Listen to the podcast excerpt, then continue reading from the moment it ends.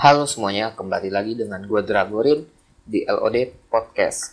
Di episode 4 kali ini, gue akan merekomendasikan beberapa anime dari genre yang cukup disukai oleh kalangan pecinta anime, yaitu isekai. Di mana anime ini bercerita nanti main karakternya akan berpindah dari dunianya ke dunia game atau dunia fantasi.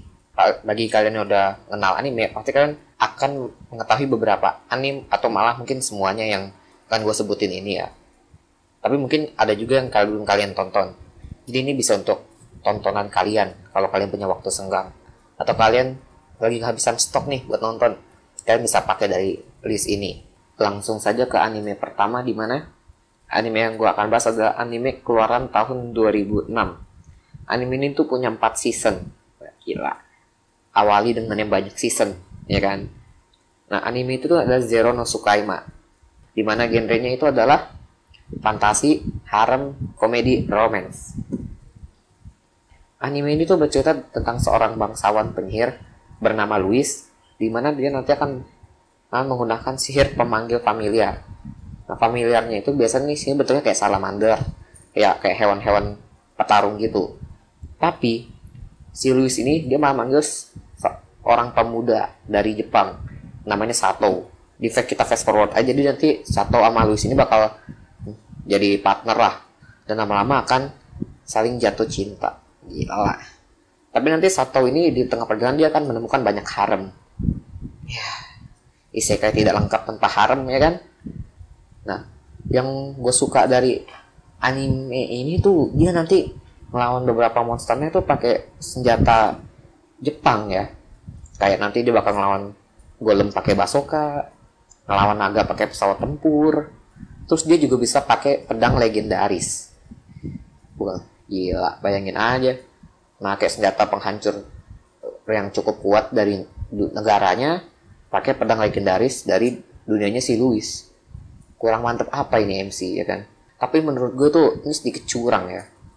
Soalnya kita ngelawan sebuah makhluk yang kalau bisa dibilang nggak terlalu OP makhluknya ya ya cukup normal aja ya golem. Ya golem dong batu gede bisa gerak ya kan.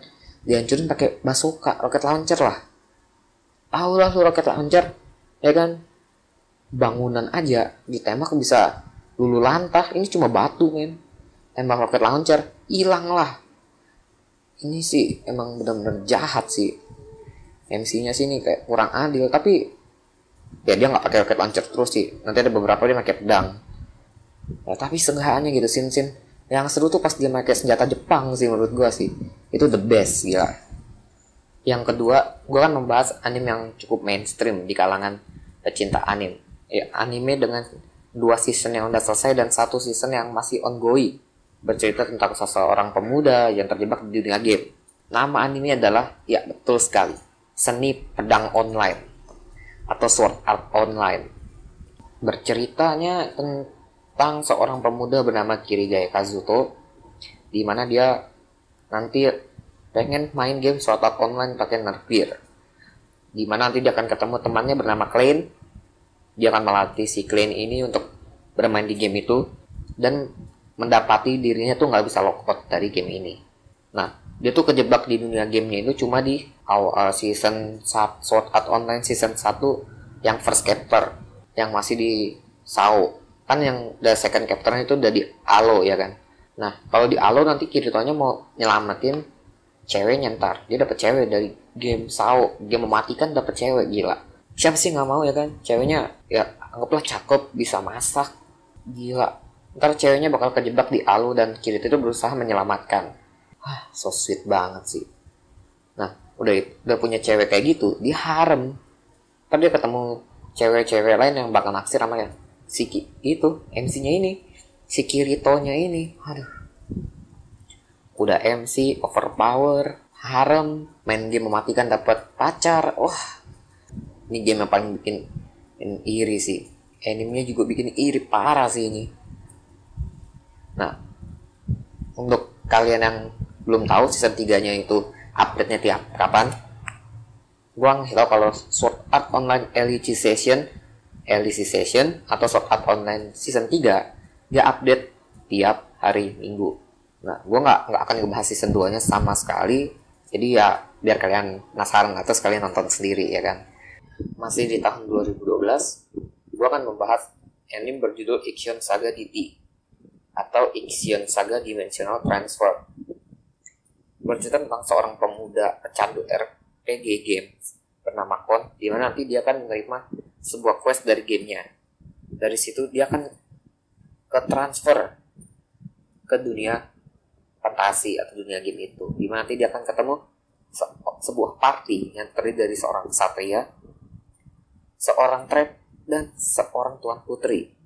Bagi kalian yang lain trap itu adalah salah satu hal yang paling gue benci. Di mana fisiknya biasanya kayak cewek seksi atau cakep gitu tapi ternyata dia cowok. Ya kayak pemberi harapan palsu gitulah kalau bisa dibilang trap itu. Nah action saga ini bercerita nanti pas dia transfer dia akan membantu untuk meng, apa ya bilangnya jadi bodyguard dari tuan putri itu. Nanti di sana dia akan ketemu oh, main antagonis bernama e, Eret. Di mana nanti ya dia kan party juga sih nanti sama si DT ya. DT itu sebutan untuk MC-nya walaupun nama aslinya Kon. Si DT ini dia akan melakukan hal yang sangat kejam kepada Eren di mana dia akan menendang bagian vital dari laki-laki. Sampai dokter yang menangani kasus Erik itu bilang dia harus menghilangkan salah satu dari sesuatu yang kembar itu. Nggak cuma sampai di situ nanti dua-duanya hilang gara-gara si DT ini. Aduh gila bayangin aja sih betapa sakitnya ya. Kita aja kalau cuma kesenggol dikit aja tuh perih banget ya ini harus sampai hilang loh. Ya itu salah satu scene yang gue suka sih di mana sedikit sadis. Nah yang keempat adalah anime Walk Horizon yang rilis pada tahun 2013 anime ini memiliki dua season. Lock Horizon ini bercerita tentang seorang pemuda pemuda bernama Shiroe di mana dia nanti akan terjebak di dunia game. Game ini di mana nanti si MC-nya ini akan membuat sebuah guild bernama Lock Horizon. Nah, MC-nya ini memiliki kemampuan apa sih? Dia tuh nggak overpower kayak Kirito, dia nggak overpower kayak yang di Overlord itu. Nggak, dia tuh overpowernya di kemampuan otaknya. Di mana dia bisa menyusun strategi yang mungkin nggak bisa dipatahin lah. Dia tuh bisa dibilang kayak si Kamarunya di Naruto atau kayak L di Death Note atau enggak di launch di Code Geass jadi dia kayak benar-benar strategis yang paling the best lah apalagi dia kayak punya kemampuan kayak full control gitu ya nanti setiap lagi ada boss raid atau boss war gitu dia bisa mengontrol seluruh partinya untuk menghindari atau dia bisa menebak apa yang akan bosnya lakukan. Bosnya skillnya akan kena siapa. Dan sebagainya lah itu dia kayak pinter banget lah. Dan the best itu strategisnya. Nah, Horizon ini tuh bisa dibilang dia punya banyak scene-scene yang epic ya menurut gue ya. Di mana nanti dia akan kayak ini, dia lagi sidang PBB, tapi di sisi lain dia lagi nyelamatin dua kenalannya yang terjebak di dark guild gitu. Bayangin. Terus dia bisa mengancam guild-guild besar karena dia belum membeli guild hall ceritanya. Gila, bayangin aja. Dia melakukan tiga aktivitas sekaligus. Membuat PBB, nyelamatin dua kenalan yang lagi di dark guild sama dia mengancam guild-guild besar bayangin aja dia sampai dijuluki evil sunglasses ya. Apa dia dia kacamata yang kejam karena dia benar-benar memikirkan ini udah bukan kayak diskusi lagi ya. Dia lebih kayak memberitahu mengancam atau memerintah. Dia bisa dibilang tuh udah tuh udah kayak gimana ya? Dia pinternya udah the best lah. Yang kelima anime yang rilis pada tahun 2014. Di mana anime ini cukup ditunggu-tunggu season 2-nya oleh para pecinta anime. Ya, langsung saja kita sebut lah No Game, No Life. Di mana beberapa tahun, dua atau tiga tahun, atau satu tahun sebelum tahun ini ya, dia baru mengeluarkan prequel dari No Game No Life, yaitu No Game No Life Zero. Ya, ini bercerita tentang seorang adik kakak bernama Shiro dan Sora, di mana dia tuh bisa dibilang dia membuat dia tuh kayak gamer pro ya di mana setiap akunnya tuh blank namanya tanpa nama di mana nanti Shiro dan Sora ini akan menerima sebuah challenge dan dia akan berpindah dunia ke dunia game. Di mana nanti di dunia game itu dia akan melakukan game-game yang belum yang nggak ada lah di dunia kita ya. Jadi kayak game-game yang um, gimana nih bilang ya cukup unik dari dunia itu. Cuma dia nggak pernah kalah. Nah yang epicnya itu nanti kayak gini. Pas dia lagi ya coba ngadu catur ya. Catur men. Di mana caturnya itu musuhnya tuh dia ngebantu dengan kekuatan elf. Nah Sora ini dia tanpa menggunakan kekuatan apa pun cuma menggunakan otaknya doang dia bisa mengalahkan musuh yang menggunakan kemampuan elf. Nah terus di bagian episode terakhir pas dia lagi ngelawan Warbis dia tuh kayak udah memprediksi masa depan ya. Gila bayangin aja. Jadi dia bisa dibilang tuh dia dia mirip sama si Roe Dialog Horizon ya dan kemampuan berpikirnya. Ya gila itu sih.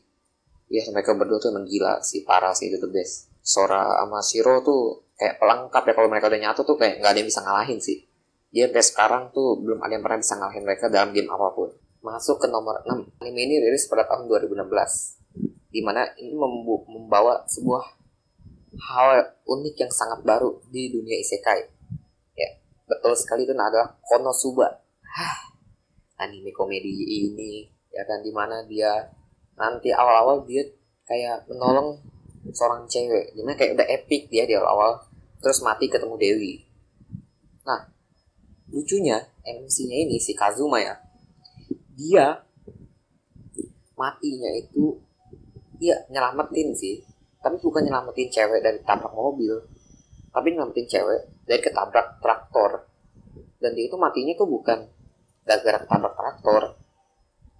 Dia mati diketawain naas banget deh pokoknya. Kalian menurut satunya tuh ngakak parah sih gue nah nanti pasti dia kan mati. Nah jiwanya itu dia akan ketemu seorang dewi namanya Aqua. Nah dewa ini tuh dia kan membiarkan si Kazuma reinkarnasi ke dunia game. Nah, di mana dia akan memberikan Kazuma sebuah hadiah, sebuah hadiah sih. Jadi dia kayak memberi sebuah apa ya misalnya, kayak nanti lu diperbolehkan milih satu kekuatan dibawa ke dunia game itu. Nah, karena Kazuma dendam sama si Dewi ini, akhirnya si Kazuma tuh memilih Dewinya. Jadi Kazuma sama Dewinya itu kan masuk ke dunia game. Nah, dia tuh nanti akan membentuk sebuah party kecil ya, isinya tuh sedikit gak jelas ya bisa bilang ya. Nah pertama adalah Megumi, seorang penyihir. Ya bisa bilang sihirnya sih powerful, explosion ya. Tapi bisa dipakai satu kali sehari. Habis itu udah tepat, gak bisa ngapa-ngapain. Party yang kedua itu Darkness, yang sebenarnya Tuan Putri, tapi dia tuh seorang warrior ya, kemak lah saya bilang. Di mana dia kuat, attacknya kuat, tapi akurasinya rendah. Terus dia masokis. Wah, gimana sih keseruan party kecil ini sih? Kalian nonton aja lah sendiri. Yang gue suka apa dari anime ini? Pas nanti dia bakal scene epic gitu ya. Kayak pas si eh, itu Megumin bakal pakai explosion tuh di season 2 episode terakhir yang lawan kayak lawan slime gitu. Wah, itu kayak menurut gue jadi bagus ya. Scene yang itu bagus. Yang ketujuh, adalah anime yang rilis pada tahun 2017 yaitu Isekai wa Smartphone. Nah, ini juga sedikit beda ya masuk ke dunia gamenya ya. Di mana nanti MC-nya itu mati dan akhirnya dia ketemu dengan dewa. Dewanya ini bakal ngasih tahu ke MC-nya kalau sebenarnya dia itu salah bunuh. Bayangin aja men. Mati konyol itu namanya, gara-gara dewa salah bunuh. Nah, tapi akhirnya dia tuh bakal direinkarnasi ke dunia game ya kan di mana nanti MC ini bakal meminta agar dia bisa membawa smartphone nah nanti si Dewa ini bakal ngasih kayak kekuatan ke si MC-nya ini nah pas MC-nya masuk ke dunia game M itu wah dia jadi OP men. Beneran dah dia OP-nya the best lah. Nah di 2018 ada juga anime bernama Dead Mark karena Haji Maru Isekai di mana dia pekerja kantoran yang suka lembur dan tiba-tiba dia masuk ke dunia game. Di mana nanti dia tiba-tiba diserang 30 level berapa banyak lah monster. Terus dia ngaktifin skill meteor. Rata monsternya. Terus dia naik ke level yang tinggi nah yang dari isekai sama deathmark ini dia tuh sama-sama OP banget sih. Bisa dibilang mah OP-nya OP abis. Terus sama-sama nggak bentuk harem. Makin ke sini isekai itu isinya harem semua sih. Nah Deadmark sama Isekai ini dia sama-sama lebih ke kayak ke slice of life nyanyi mereka di dunia itu ya isekai itu. Kalau scene epic dari smartphone sih gue nggak ada yang gue suka ya dari isekai smartphone tuh jujur gue nggak ada yang suka. Kalau Death Mark Kara Hajimaru itu pas dia nanti itu lawan kayak iblis gitu nah itu lumayan keren sih. Yang kesembilan isekai mau Toshokan Sojo bla bla bla. Itu judulnya cukup panjang gue juga nggak inget ya. Nah kalian cari aja itu anime yang cukup baru 2018 udah selesai ya. Di mana anime ini bercerita tentang seorang pemain yang udah level tinggi di gamenya itu di mana dia tuh nanti akan menjadi raja iblis di dunia game yang dimainin. Nah cara dia masuk ke gamenya itu juga cukup unik ya. Di mana dia disummon oleh seorang elf dan seorang apa ya bilang ya seorang cewek yang di dalam tubuhnya itu ada raja iblis. Anime ini masuk ke golongan ecchi ya. Nah isekai mau terus Shokan Soju ini nanti MC-nya itu bakal jadi karakter yang dimainin. Gimana ya udah OP lah. Di mana dia punya reflection magic ring. Yang terus sihir-sihir tingkat tinggi. Ya ntar dia ngalahin musuhnya gampang-gampang lah. Nah walaupun ngalahin musuhnya gampang-gampang dan overpower ya tapi pas tiap battlenya itu tetap ada kayak ya epic epic dikit lah. Jadi kayak ada skillnya efeknya tuh bagus-bagus. Jadi nggak terlalu ngecewain sih. MC-nya ini ditemani ya dia main nyumon mereka itu adalah elf sama ya bisa dibilang kayak apa ya bilang ya ya udah kalian nonton sendiri aja biar tahu. Uh, anime ini tergolong ecchi ya. Jadi gue ingetin sekali lagi ini tergolong ecchi jadi kalau kayak karakternya rada-rada lacur gitu ya maklumin aja ya. Dari 10 anime yang gue sebutin gue akan nyebutin dari eh, kayak bisa bilang yang gue suka ya. Nah juara satunya itu ada slime. Di mana ini menurut gue itu cukup konsepnya cukup unik. Jadi kayak ngebawa nuansa baru lah di dunia isekai. Nah untuk yang kedua ini adalah no game no life. Di mana tuh nanti dia banyak skin epic. Tiap dia duel duel itu dia nampilin kecerdasan sama keepicnya jadi benar-benar nonton ulang-ulang sih lumayan seru sih. Juara tiga adalah Sword Art Online. Ya, kalian tau lah alasannya. Nah yang keempat adalah Lock Horizon.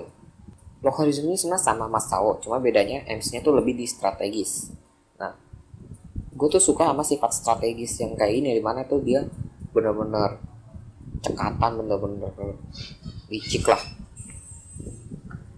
Yang kelima adalah Zero no Sukaima di mana romance sama alurnya itu cukup bagus menurut gue bukan cukup bagus lagi emang bagus ya. Dari semua anime sih kayak mungkin ini termasuk salah satu story yang cukup bagus. Nah untuk ke 6 dan ke 7 itu ada Isekai wa Smartphone sama Dead Makara nah anime ini soal gue sukanya gimana ya? Kayak mereka tuh OP ya gue sebenarnya gak suka yang terlalu OP sih tapi dia tuh OP-nya di sini tuh beda aja gitu sama OP yang lain gitu. Ya ini kan selera ya baik lagi. Nah untuk juara 9 sama 10 nya itu Konosuba dan Iction Saga. Kenapa? Walaupun ini komedia bagus alurnya bagus tapi kalau anime isekai itu gue lebih suka yang mereka MC nya tuh sedikit overpower ada skin epic ada skin battle. Kalau kayak Konosuba kan dibanyakan komedi. Ya walaupun ada scene epicnya sih. Fiction Saga tuh ya komedi lah. Jadi ya begitu aja. Jadi 10 ya ranking ini nggak nentuin sih bagus atau enggaknya. Ini kan lebih kayak hmm, gue paling suka ini gue paling nggak suka ini ya tapi kalau seandainya ditanya lu suka gak sih sama sekolah itu ya gue suka. Hanya tingkat kesukaannya aja yang beda. Sekian dari LOD Podcast. See you next time